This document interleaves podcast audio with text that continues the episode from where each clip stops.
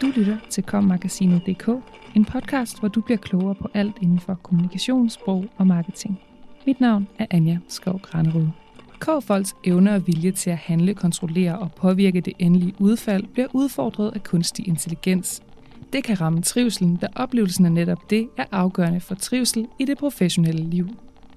Ny teknologi risikerer at frarøve os arbejdsglæden. K-folk risikerer at opleve et kontroltab, når kunstig intelligens bliver mere udbredt, måske overtager funktioner eller på anden måde fylder i arbejdslivet. Dermed bliver den kommunikationsprofessionelles evne og vilje til at handle, kontrollere og påvirke det endelige udfald udfordret. Det forklarer psykolog og Ph.D.-studerende Astrid Galskov, der forsker i, hvordan radiologer samarbejder med AI på henholdsvis Bispebjerg Hospital og Gentofte Hospital. Hendes konkrete erfaring dels fra egen forskning og dels fra andre forskeres studier, der har belyst, hvordan fagpersoner påvirkes af ny teknologi, kaster lys over, hvad der kan være i vente for K-folket. AI-udviklingen står på ryggen af først internettets gennembrud, e-mailen, smartphonen og de sociale medier, der har rykket ved for eksempel tilgængeligheden og grænserne for, hvor og hvornår måske især K-folket er på arbejde og deres trivsel. Allerede nu står det klart, at kunstig intelligens vil forandre K-faget og flere af dets discipliner. Et er, at det med generativ AI er muligt at producere langt mere indhold i form af både tekst og billeder på nærmest ingen tid. Noget andet er, hvordan den udvikling påvirker fagets aktører og deres trivsel. Astrid Galsgaard henviser til, at det i forskningen er belyst, at en af konsekvenserne ved automatisering eller implementering af ny teknologi er, at mennesket har mindre kontrol over for eksempel den skabende proces. Dette kan føre til, at man oplever mindre agens og dermed er i risiko for at miste glæden ved sit arbejde. Oplevelsen af at have agens er afgørende for trivsel i det professionelle liv, psykologisk trivsel, motivation og tilfredshed. Lyst og evne til at lære nyt og samarbejde, siger Astrid Galskov. Hun fortsætter. Det handler især om oplevelsen af at have kontrol over, hvordan ens opgave løses, og i et vist omfang kunne overskue konsekvenserne af de beslutninger, man træffer, men også om magt og ansvar. Man ved, at for eksempel piloter oplevede tab af motivation og lyst, da autopiloter, altså teknologi, der kan styre fly, slog igennem. Hvem har ansvaret? Astrid Galsgaard forklarer, at hun arbejder ud fra en hypotese om, at implementering af AI, hvad enten det er machine learning eller large language models, i første omgang kan true fagmedarbejderen. Det betyder, at man som ledelse og arbejdsplads er nødt til at understøtte medarbejderen på en ny måde. Det handler om delt ansvar mellem medarbejderen og den kunstige intelligens, siger Astrid Galskov og giver et eksempel på de spørgsmål, der begynder at melde sig. Hvis AI fungerer som en støtte for fagpersonen, og fagpersonen argumenterer med AI, fordi AI har foretaget en vurdering, der ligger til grund for en beslutning, hvem har så ansvaret for beslutningen, hvis det nu går galt? Hvor langt hen ad vejen kan det argumenteres, at det stadig er fagpersonen, der sidder med det endelige ansvar? Problemet er, at det kan være stort set umuligt at gennemskue, hvorfor et AI-værktøj gjorde, som det gjorde, pointerer Astrid Galskov. Det er svært at gennemskue de her black boxes, de mellemregninger, der ligger til grund for et resultat eller en løsning genereret af AI. Man giver AI input, som den tykker på og bearbejder, og så spytter den nogle svar ud. Man kan vel spørge, hvordan kom du frem til det her? Det kan man nogle gange, men absolut ikke hver gang. Der er en væsentlig forskel på, hvordan de forskellige teknologier fungerer. Oven i det kommer, at en del af AI-teknologierne nu også går på tværs af domæner og arbejder med endnu flere data end tidligere. De sidste par år har vi arbejdet med nogle algoritmer, der var programmeret til kun at påvirke et helt specifikt område. Men nu ser vi de nye generative værktøjer, som er stormet frem og som går på tværs og baserer deres svar eller handlinger på millioner af datapunkter, hvilket gør det meget vanskeligt at forklare, hvorfor resultatet blev, som det blev, siger Astrid Galskov.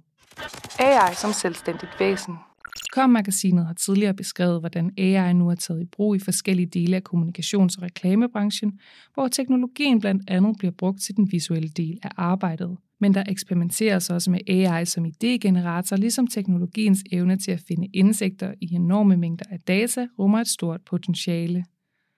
Og selvom dommedagsprofetierne også lever, så er et herskende argument, at mennesket fortsat er vigtigt, fordi mennesket med al dets erfaring og kulturelle indsigt – kan spotte en god kommunikativ idé. Altså er evnen, erfaringen og det menneskelige element fortsat afgørende for at kunne levere en kampagne, et budskab eller andet, der har gjort K-branchen unik, lyder analysen. Men det er nok et spørgsmål om tid, før det verdensbillede begynder at krakelere, vurderer Astrid Galskov. Vi kigger hen imod, at AI faktisk løser opgaver selvstændigt, og selv, det vil sige uafhængigt af fagpersonen, kan indhente relevant data, bearbejde disse og give et kvalificeret svar på en given problemstilling. Måske skal en fagperson kontrollere AI's arbejde, men i praksis nærmer vi os et sted, hvor AI selv kan rigtig meget, siger hun. Hvad betyder det? I forhold til fagligheden, så har vi ikke så mange fortilfælde på, hvordan fagpersoner har reageret. Når der er blevet implementeret nye ting, så sker der typisk et ryg i fagpersonens faglighed. Men hvad nu? Det er spørgsmålet, som vi ikke kan besvare, fordi vi ikke ved nok om det endnu. Men det er klart, at kommunikationsbranchen og også rigtig mange andre brancher, som tidligere har haft en position og opgaver, der er blevet opfattet som eksklusive, svære og som har relativt høj status, bliver udfordret, siger Astrid Galskov. Hun tilføjer, det rejser mange spændende spørgsmål, som faget og den enkelte må finde nye svar på. Hvad er kreativitet? Hvad er en god K-medarbejder? Hvad er det egentlig, jeg er god til? Hvad er det, der definerer min fagidentitet? Hvorfor læste jeg lige præcis det her fag? Hvad var det, jeg synes var interessant? Kan jeg noget særligt? Sundt og ubehageligt.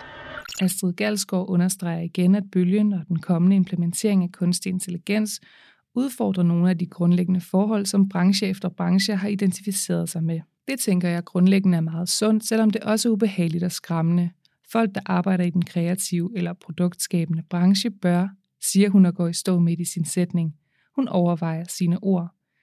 Efter et par sekunders stillhed siger hun, jeg vil ikke sige gentænke sig selv, men udviklingen kræver i hvert fald, at man gør sig nogle tanker og taler sammen. Hvad nu? Hvad er det, vi skal? Hvad er det, vi kan? Og i forhold til ledelsen i en organisation, så må der skabes et miljø, hvor man ser ind i, hvordan man arbejder sammen med AI. Igen, hvis AI tager en primær opgave, hvad skal vi så lave? Spå om fremtiden tør hun ikke, men hun er overbevist om, at grænserne mellem, hvad der er menneskeligt og kunstigt, bliver mere flydende, hvilket sandsynligvis vil påvirke den enkelte medarbejders oplevelse. Men udviklingen vil se forskellig ud fra virksomhed til virksomhed og fra branche til branche, fordi samarbejdet mellem menneske og maskine vil have forskellige former. Jeg synes ikke, at vi skal fjerne os fra AI. Jeg synes ikke, vi skal have domæner, som er menneskelige og nogen, som tilhører AI.